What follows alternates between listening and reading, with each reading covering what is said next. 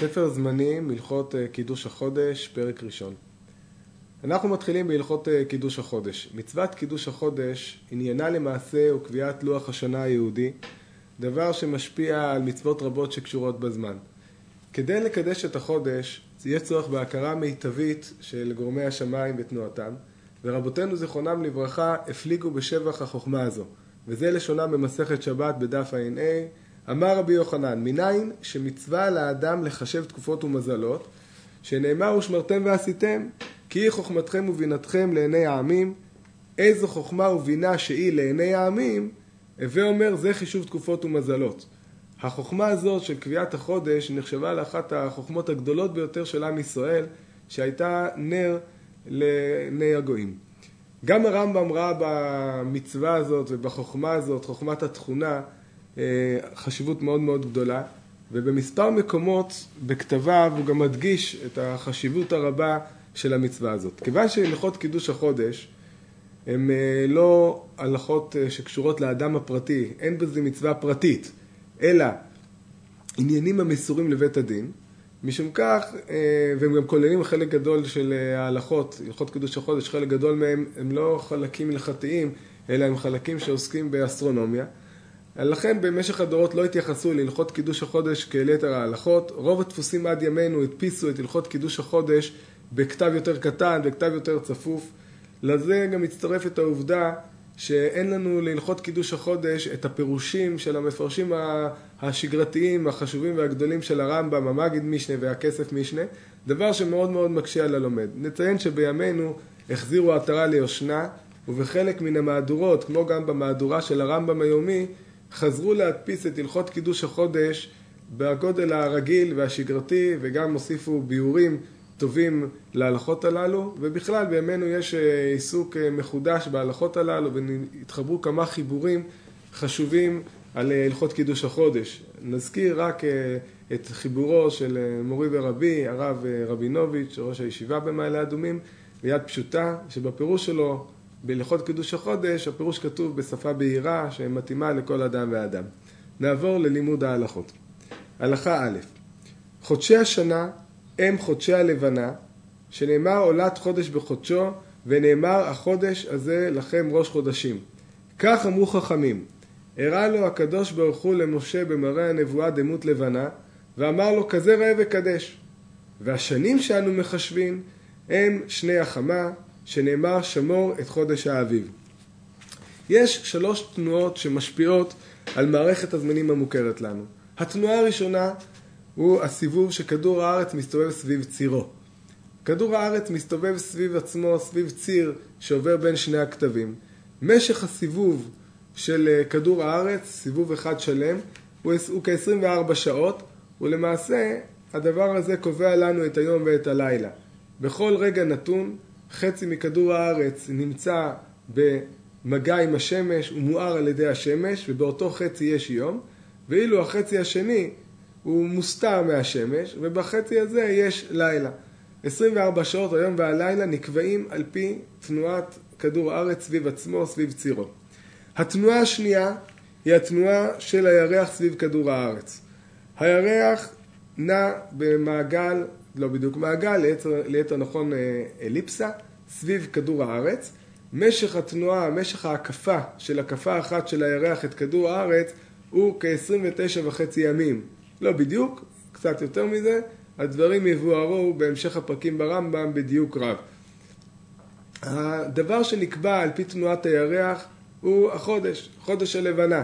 אנחנו רואים את הדברים, את תנועת הירח סביב כדור הארץ, אנחנו רואים דרך שינוי שיש בירח עצמו, שהירח הולך, גדל, בתחילת החודש הוא הולך וגדל עד שהוא מגיע למלואו, ומשם הוא הולך וקטן. הדבר קשור לתנועה של אה, הירח סביב כדור הארץ. הדברים, נבהר את הדברים אחרי זה ביתר פירוט, שהדברים יהיו משמעותיים. התנועה השלישית זה התנועה של כדור הארץ סביב השמש. כדור הארץ נע במעגל, שוב, ביתר דיוק באליפסה, סביב אה, השמש. משך ההקפה של הקפה אחת של כדור הארץ את השמש הוא 365 ימים, כ-365 ימים, והדבר הזה מוגדר כשנת חמה. שנת חמה, 365 ימים. הדבר בא לידי ביטוי אצלנו על ידי עונות השנה. עונות השנה נקבעות על פי המיקום של כדור הארץ ביחס אה, לשמש. גם המזלות, ראיית גרמי שמיים שונים, היא תלויה בדבר הזה, כי הרי בכל מקום שכדור הארץ נמצא, הוא רואה קבוצות כוכבים אחרות, וגם חישובי המזלות השונים, שגם הרמב"ם יזכיר אותם בהמשך, הם קשורים לתנועת כדור הארץ סביב השמש. נחזור ונעיין שוב בהלכה. הרמב"ם פותח ואומר חודשי השנה הם חודשי הלבנה, שנאמר עולת חודש בחודשו, ונאמר החודש הזה לכם ראש חודשים. עצם העובדה שהתורה משתמשת לנו בלשון חודש, חודש הוא מלשון של חידוש. משמעות הדברים שצריך להיות משהו שמתחדש. מה מתחדש? השמש מדי יום ביומו, אמנם היא עולה וזורחת, אבל זוהי תנועה אחת. איזה עוד חידוש יש לנו בשמיים? החידוש היחידי שיש לנו בפרק זמן ממושך הוא החידוש של הלבנה. מדי חודש בחודשו הלבנה הולכת ומתחדשת, ולכן עצם השימוש בתורה במילה חודש, עולת חודש בחודשו, זה דבר חדש בחידושו. זה מלמד אותנו, כמו שאומר הרמב"ם, שחודשי השנה הם חודשי הלבנה. כך אמרו חכמים, הראה לו הקדוש ברוך הוא למשה במראה הנבואה דמות לבנה ואמר לו כזה ראה וקדש. מה התקשה? הגמרא אומרת לנו שמשה רבנו התקשה במראה הלבנה. מה כל כך קשה? כל אחד יכול לצאת ולראות כיצד נראית הלבנה. מדוע הקדוש ברוך הוא היה צריך להראות למשה כזה ראה וקדש? הדבר קשור לעובדה שתנועת הירח היא תנועה מתמדת. אנחנו צריכים לקבוע, גם אם אמרנו שהחודש הוא תלוי בירח, תלוי בלבנה, אנחנו צריכים לקבוע איזושהי נקודה של ראשית. צריך לי, למה לא נחליט, לדוגמה, שראש החודש הוא מתי שהירח במלואו? למה לא נחליט שראש החודש הוא מתי שהירח חציו, או מתי שהירח הגיע לרמת תאורה מסוימת?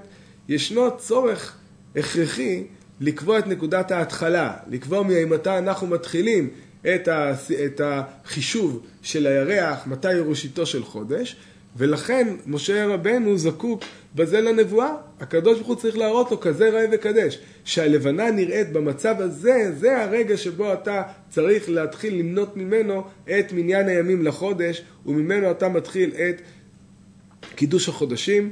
וזהו העניין של כזה ראה וקדש, שנאמר על החודש הזה לכם ראש חודשים, כמו שאמרנו, קביעת נקודת הראשית. לעומת הדבר הזה, לעומת קביעת החודש שהוא על פי הלבנה, ממשיך הרמב"ם ואומר, השנים שאנו מחשבים הם שני החמה, שנאמר שמור את חודש האביב. חודש האביב, החודש של תקופת האביב, יש אומרים שהכוונה היא לחודש של התבואה, האביב, זה כינוי לתבואה בראשיתה, אבל הרמב"ם מכמה מקומות נראה שהוא מתכוון לתקופת האביב. יש עניין שחודש האביב, שחודש ניסן, הוא יהיה בחודש האביב, הוא באמת ייפול על תקופת האביב. ולכן הדבר הזה מלמד אותנו שישנה חשיבות גם להכרת האביב, תקופת האביב, שכמו שהזכרנו בהתחלה, התקופת האביב, עונת האביב, היא תלויה בסיבוב של כדור הארץ סביב השמש. ולכן אנחנו צריכים למדוד את השנה בהתאם לעונות השנה, ולכן אנחנו צריכים לתלות את השנה דווקא בשנת החמה. אם כן, אז יש לנו שני מניינים שונים שקשורים בגרמי שמיים שונים, שאין ביניהם שום קשר אה, אה, ישיר. הדבר האחד הוא מניין החודשים, שהוא על פי הלבנה, והעניין השני הוא מניין השנים, שהוא על פי החמה. הדבר הזה הוא ייחודי לעם ישראל, באומות העולם זה לא כך, המוסלמים לדוגמה מונים אך ורק ללבנה. אצלם החודש תמיד הוא חודשי הלבנה והשנה היא תלויה במספר חודשי לבנה. הדבר הזה גורם שחודש מסוים, כמו לדוגמה חודש הרמדאן, הוא כל שנה יכול לחול בתקופה אחרת. הנוצרים לעומתם, המניין המקובל הוא על פי שנות החמה וחודשי חמה, אין בכלל התייחסות לחודש הלבנה, ורק אצל עם ישראל יש את השילוב המיוחד של חודשי הלבנה מצד אחד, ומצד שני של שנת החמה. אבל לשילוב הזה יש גם, השילוב הזה יש לו גם מחיר מסוים, הוא יוצר לנו גם בעיה מסוימת שאליה מתייחס הרמב"ם בהלכה ב'. וכמה יתרה שנת החמה על שנת הלבנה? קרוב מ-11 יום. יש לנו פער, אם אנחנו סופרים, כיוון שאמרנו שחודש לבנה הוא 29 וחצי ימים, כ-29 וחצי ימים, 12 חודשי לבנה יוצאים לנו 354 ימים. לעומת זאת, שנת חמה, האורך שלה הוא 365 ימים. נוצר לנו הבדל של 11 ימים, שבהם שנת הלבנה, שנה של 12 חודשי לבנה, היא פחותה משנת החמה. אם אנחנו לא נטפל בדרך כלשהי בחיסרון הזה, מה שיקרה שבמשך כמה שנים יצטרפו הימים האלה 11 ימים ועוד 11 ימים ועוד 11 ימים, ובסופו של דבר אנחנו נאבד את העניין שחודש ניסן ייפול בתקופת האביב. לשם כך, יש לנו את המנגנון של עיבור השנה, שעליו מדבר הרמב"ם. לפיכך, כשיתקבץ מן התוספת הזאת, כמו 30 יום או פחות מעט או יותר מעט, מוסיפין חודש אחד, ועושים אותה השנה 13 חודש, והיא נקראת שנה מעוברת, כמו שנה שבהיריון, כמו אישה מעוברת. ברגע שאנחנו מצטרף לנו, מצטרפים לנו מספר ימים רב, אז אנחנו לאט לאט מצמצמים אותם. אם אחת לכמה שנים נקבע חודש, את החודש הי"ג, כך נוכל לצמצם את הפער הזה, וזהו החישוב של עיבור השנה שנוהגים בו חכמי ישראל.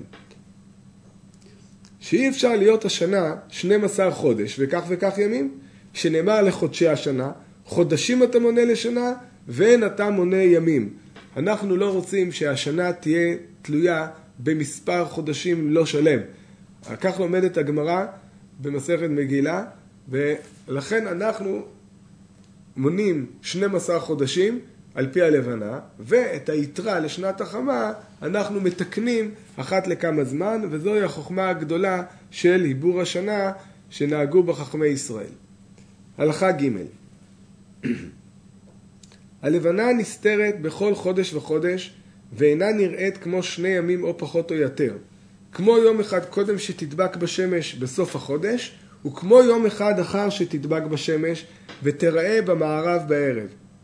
ובליל שתראה בערב, אחר שנסתרה, הוא תחילת החודש, ומונים מאותו היום תשעה ועשרים יום. הלבנה, כפי שאמרנו, מסתובבת, הירח מסתובב סביב כדור הארץ במסלול אליפטי. הדבר הזה גורם לכך שפעם בחודש אנחנו מגיעים למצב שבו הירח נמצא בדיוק בין כדור הארץ ובין השמש. הרגע הזה שבו הירח נמצא בין כדור הארץ ובין השמש הוא הנקרא רגע הקיבוץ או ההתקבצות אצל אה, רבותינו. ומה מייחד את הרגע הזה? השמש, הירח וכדור הארץ נמצאים למעשה בקו אחד. מה אנחנו נראה בכדור הארץ בזמן הזה? למעשה לא נראה כלום.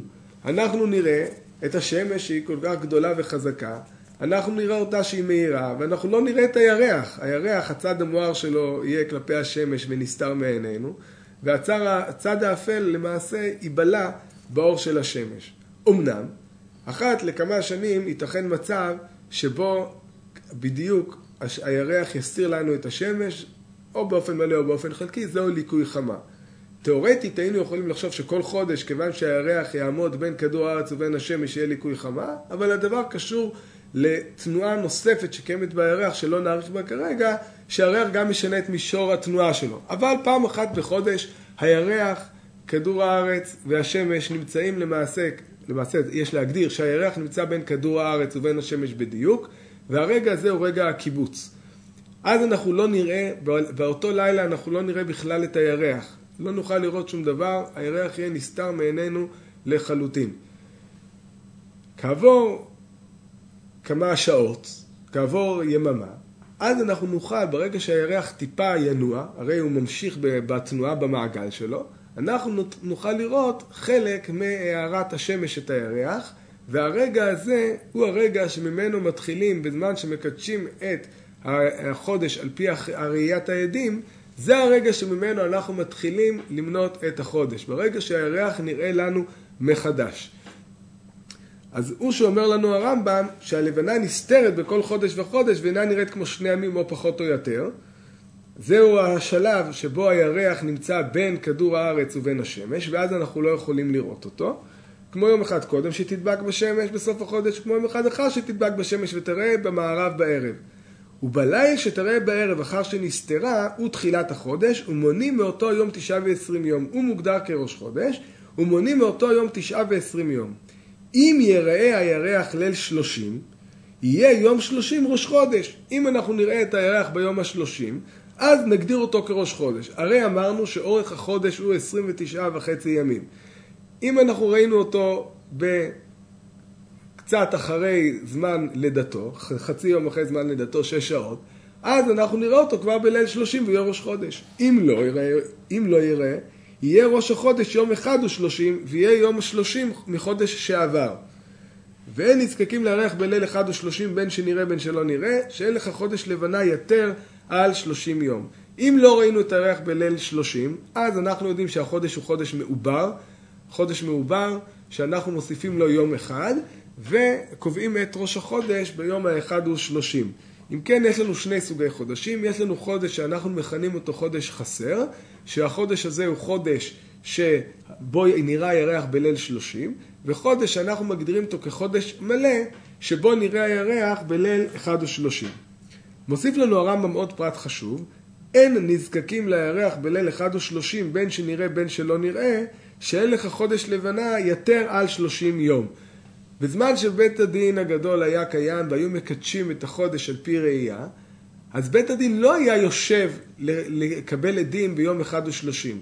הוא היה יושב אך ורק ביום שלושים. אם היו מגיעים עדים ביום שלושים, היו מקדשים את החודש על פי העדים, ואם לא, אז בית הדין הוא לא היה מקבל עדים, אלא היה מכריז על החודש כחודש מלא, וקובע את יום אחד ושלושים כתחילתו של החודש החדש. והוא שמגדיר לנו הרמב"ם את ההגדרות הללו בהלכה ד' חודש שיהיה תשעה ועשרים יום ויראה הירח בליל שלושים נקרא חודש חסר, ואם לא יראה הירח ויהיה החודש שעבר שלושים יום, נקרא חודש מעובר ונקרא חודש מלא. והגדרה נוספת מוסיף לנו הרמב"ם, וירח שיראה בליל שלושים הוא הנקרא ירח שנראה בזמנו, ואם נראה בליל אחד ושלושים ולא נראה בליל שלושים, הוא נקרא ירח שנראה בליל עיבורו. אלו הן ההגדרות שדיברנו עליהן קודם. השימוש במונחים האלה שמגדיר אותם כאן הרמב"ם הוא בהמשך הפרקים, וחשוב להכיר את המונחים האלה. הלכה A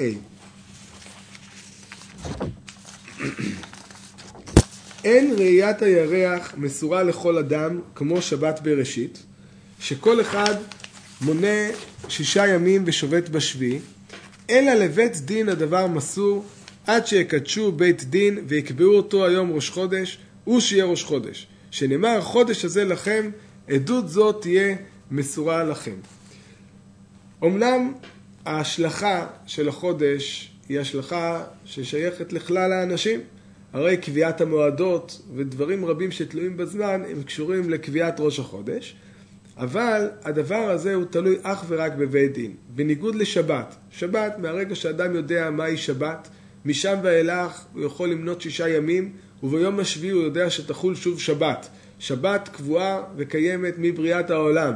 אדם שנמצא במדבר והוא יודע מתי יום אחד שבת, אין לו שעון, אין לו לוח שנה, לעולם יוכל לדעת מתי תהיה השבת הבאה. אבל בחודש הדבר כבר תלוי בשינויים כמו שראינו אותם של אה, רעות הלבנה, ולכן הדבר לא יכול להיות מסור לכל אחד ואחד. אם אנחנו נאפשר לכל אחד ואחד לקבוע את החודש, הדבר יוביל לזה שאנשים במקומות שונים ואנשים שונים, כל אחד ינהג ביום אחר את פסח, את סוכות, את יום הכיפורים, את ראש השנה.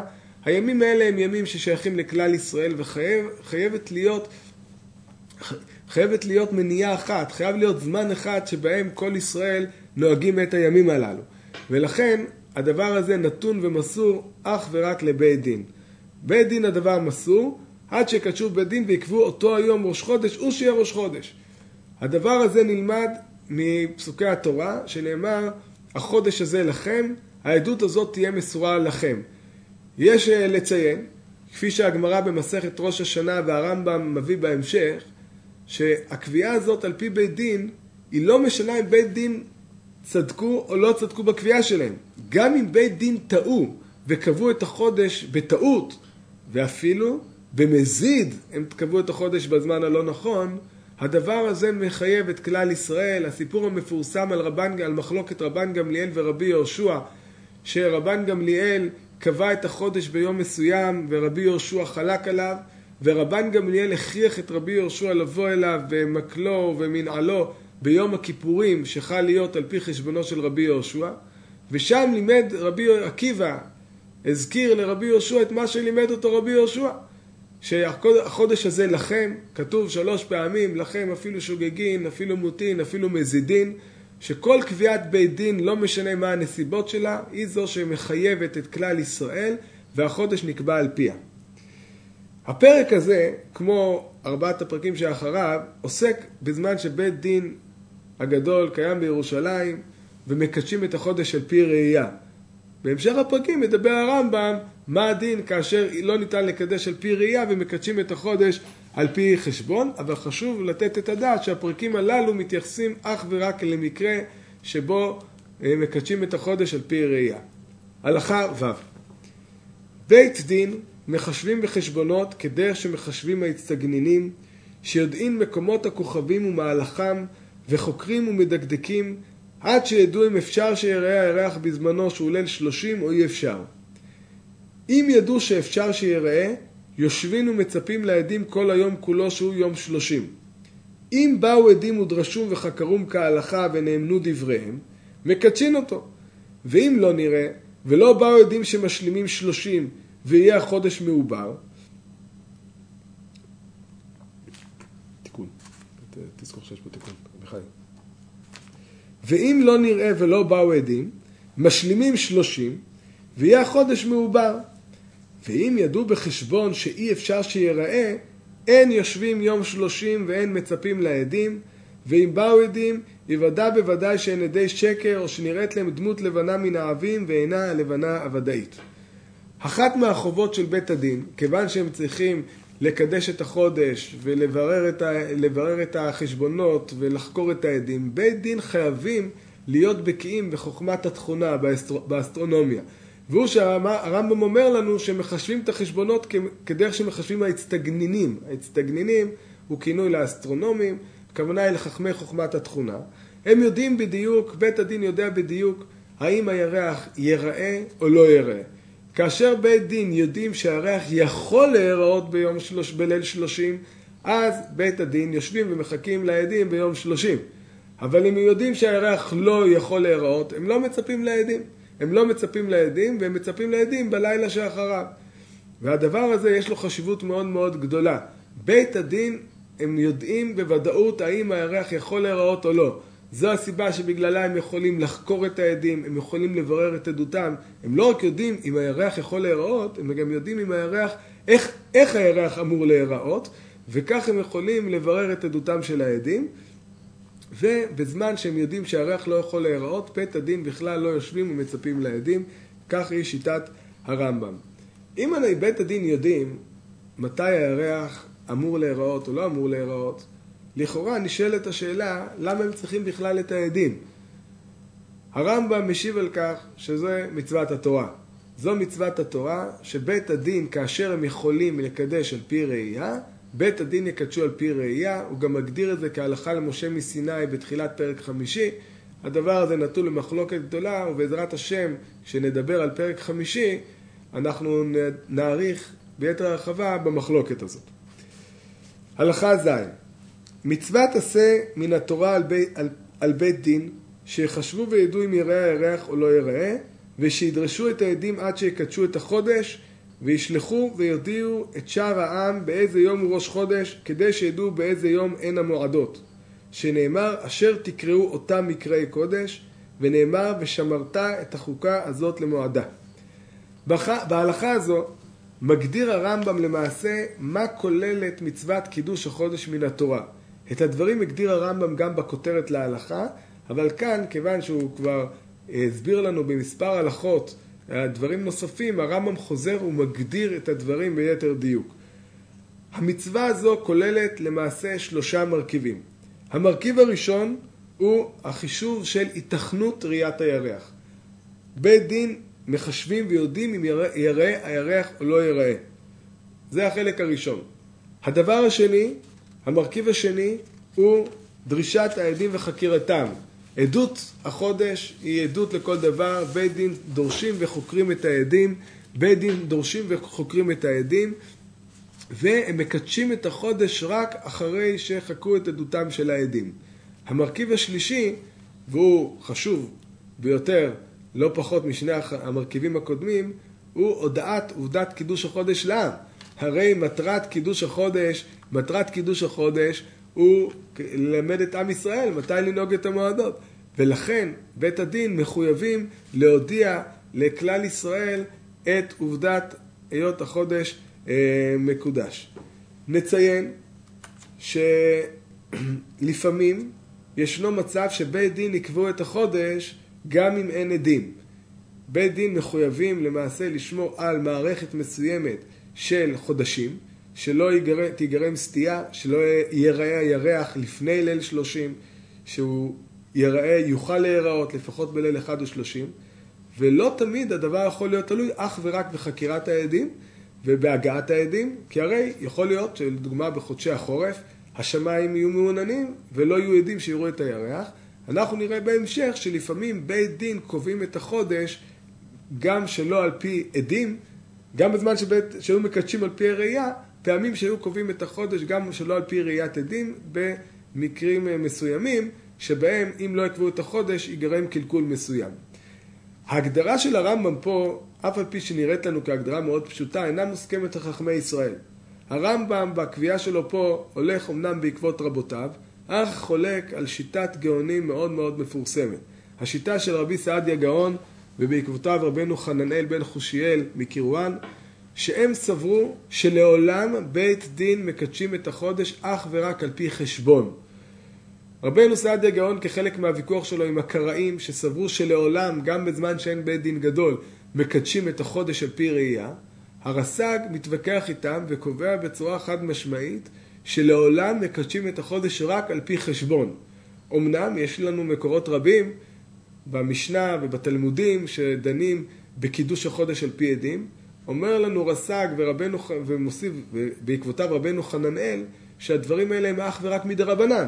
אבל מדאורייתא לעולם קידוש החודש הוא אך ורק על פי חשבון. הרמב"ם חלוק עליהם, הרמב"ם כפי שהוא אומר כאן שקידוש החודש על פי עדים הוא חלק ממצוות התורה, הרמב"ם סבור שכאשר ניתן לקדש על פי ראייה, יש לנו הלכה למשה מסיני לקדש על פי ראייה, ורק כאשר אין לנו יכולת לקדש על פי ראייה בגלל חוסר יכולת של בית דין אה, לפעול מגזרות, או בגלל שאין לנו בית דין הגדול, אז אנחנו מחשבים וקובעים את, מחשבים את ה, על פי חשבונות וקובעים את החודש על פי חשבון, וכאמור לדברים האלה עוד נשוב בתחילת פרק חמישי. הלכה ח' אין מחשבים וקובעים חודשים, חודשים ומעברים שנים אלא בארץ ישראל, שנאמר כי מציון תצא תורה ודבר אדוני מירושלים. ואם היה אדם גדול בחוכמה ונשמח בארץ ישראל ויצא לחוץ על הארץ ולא הניח בארץ ישראל כמותו, הרי זה מחשב וקובע חודשים ומעבר שנים בחוץ על הארץ. ואם נודע לו שנעשה בארץ ישראל אדם גדול כמותו, ואין צריך לומר גדול ממנו, הרי זה אסור לקבוע או לעבר בחוץ על הארץ, ואם עבר וקבע ועיבר לא עשה כלום. הלכה זו היא הלכה מאוד מאוד חשובה. כדי שתהיה אחידות בכלל ישראל ביחס לחודש, לקביעת החודש ולציון המועדים, חייב להיות גורם אחד בעל סמכות שהוא זה שקובע ומגדיר מתי החודש מתחיל ומתי מעברים את החודש, מתי מעברים את השנה. בגמרא הדברים האלה נלמדים מהפסוק כי מציון תצא תורה דבר אדוני מירושלים שלעולם קידוש החודש ועיבור השנים הוא נתון לחכמי ארץ ישראל, ולא סתם לחכמי ארץ ישראל, אלא לגדולים שבחכמי ארץ ישראל. בזמן שמקדשים על פי ראייה, ברור, בית דין הגדול יושב בארץ ישראל, הוא קובע את הדברים על פי אופק ארץ ישראל, ולכן ברור שאך ורק בארץ ישראל ניתן לקדש את החודש. אבל פעמים שמקדשים את החודש, מעברים את השנים, שלא על פי ראייה אלא על פי חשבון. ואז ייתכן מצב שבו הגדול החכמים בארץ ישראל, שלא נתונה הסמכות והאחריות לקביעת החודש ועיבור השנים, הוא יהיה בחוץ לארץ. אנחנו מצאנו בגמרא שמסופר על ירמיהו שהיה במצב כזה, ועל רבי, ועל רבי עקיבא ואחרים מגדולי ישראל. כאן יש לנו חריגה מסוימת, שאם גדול חכמי ארץ ישראל, שאין חכם כמותו בארץ ישראל, נמצא בחוץ על הארץ, עדיין הסמכות והאחריות נתונה לו, והוא יכול לעבר את השנים ולקבוע את החודשים גם כשהוא נמצא בחוץ לארץ. הדבר הזה הוא מאוד מאוד בעייתי, ופעמים שהוא נמצא בחוץ לארץ ובינתיים אה, אדם גדל ממנו, ואז הוא מאבד את הסמכות שלו. לעולם הסמכות לקביעת החודשים ועיבור השנים נתונה לגדול החכמים שבארץ ישראל. הדבר הזה מסופר לנו בגמרא במסכת ברכות על רבי חנניה או חנינה בן אחי רבי יהושע שהיה מעבר שנים בחוץ על הארץ. והוא עיבר שנים בחוץ על הארץ, כיוון שכשהוא עזב את ארץ ישראל, הוא היה גדול החכמים בארץ ישראל, ולא הייתה נתונה הסמכות והאחריות לקבוע חודשים ולעבר שנים. אבל כשהוא התחיל לעבר את השנים בחוץ לארץ, תלמידיו גדלו ממנו, ואז הם שלחו לחוץ לארץ שליחים, שהשליחים הללו הם למעשה אמרו לו שהוא לא יכול יותר לעבר את החודשים. ובהתחלה הדבר היה קשה לו, אמרו לו שגדיים שהנחת נעשו תיישים, ולכן אתה איבדת את הסמכות שלך לקבוע את החודשים ולעבר את השנים בחוץ על הארץ. הדבר הזה מסופר גם בתלמוד הירושלמי ביתר הרחבה וביתר ציוריות. שם מדובר על כך שהוא נהג בעיבור השנים, ואז רבי שולח שני תלמידים לבבל עם שלושה כתבים, וכתב אחד הוא מאוד מאוד מהלל ומשבח את רבי חנניה בן אחי רבי יהושע, וכתב אחר הוא מאוד מאוד משבח את התלמידים שנשארו בארץ ישראל שעלו בחוכמתם, ובכתב השלישי הוא אומר לו שהוא לא יכול יותר לעבר שנים, כי מעתה עיבור השנים נעשה בארץ. ובאים התלמידים בהתחלה, נותנים לו את הכתב הראשון, והוא מאוד מתרגש מזה, שכל כך היללו ושיבחו אותו. כן, גדול חכמי ארץ ישראל. אחרי זה הם נותנים לו את הכתב השני, שהם תלמידים מתלמידיו, נעשו תיישים. הוא מאוד מאוד משבח את התלמידים שלו בפני כל השומעים. אחרי זה שהוא נותן להם את, שנותנים לו את הכתב השלישי, הדבר כבר קשה לו. ואז הוא לא מקבל את הדברים. יש מן המפרשים שאפילו רצה לקרוא את הכתב הזה. ואז קם אחד השליחים ששלח רבי ואומר, כי מציון תצא תורה ודבר השם מנהר פקוד. ואז כל העם מתקן אותו, דבר השם מירושלים. הוא אומר, טוב, זה בשבילנו זה מירושלים, בשבילכם זה נהר פקוד. וכך הוא ממשיך ואומר עוד אלו פסוקים, עד שרבי חנניה כבר כעוס עליו, באים אל רבי יהודה בן פטרה בנציבין, שהוא היה גדול חכמי ישראל, ורבי יהודה ששומע את הדברים והוא רואה את הכתבים, הוא אומר לו שאין לו יותר את הסמכות להמשיך לעבר את השנים. אבל הדבר המעניין בירושלמי, ששם מצוין שרבי יהודה בן פטרה עצמו עבר מעיר לעיר כדי ללמד אותם על עיבור השנים האמיתי על פי חכמי ארץ ישראל, אבל יש מקומות שהוא לא הגיע להם, ואז נוצר באמת אותו מצב בעייתי שבו חלק מהמקומות נהגו על פי הקביעה של חכמי ארץ ישראל, וחלק נהגו קביעה אחרת, שהוא כאמור הדבר הבעייתי שיש להימנע ממנו, שלשמו נקבעה כל ההלכה הזאת.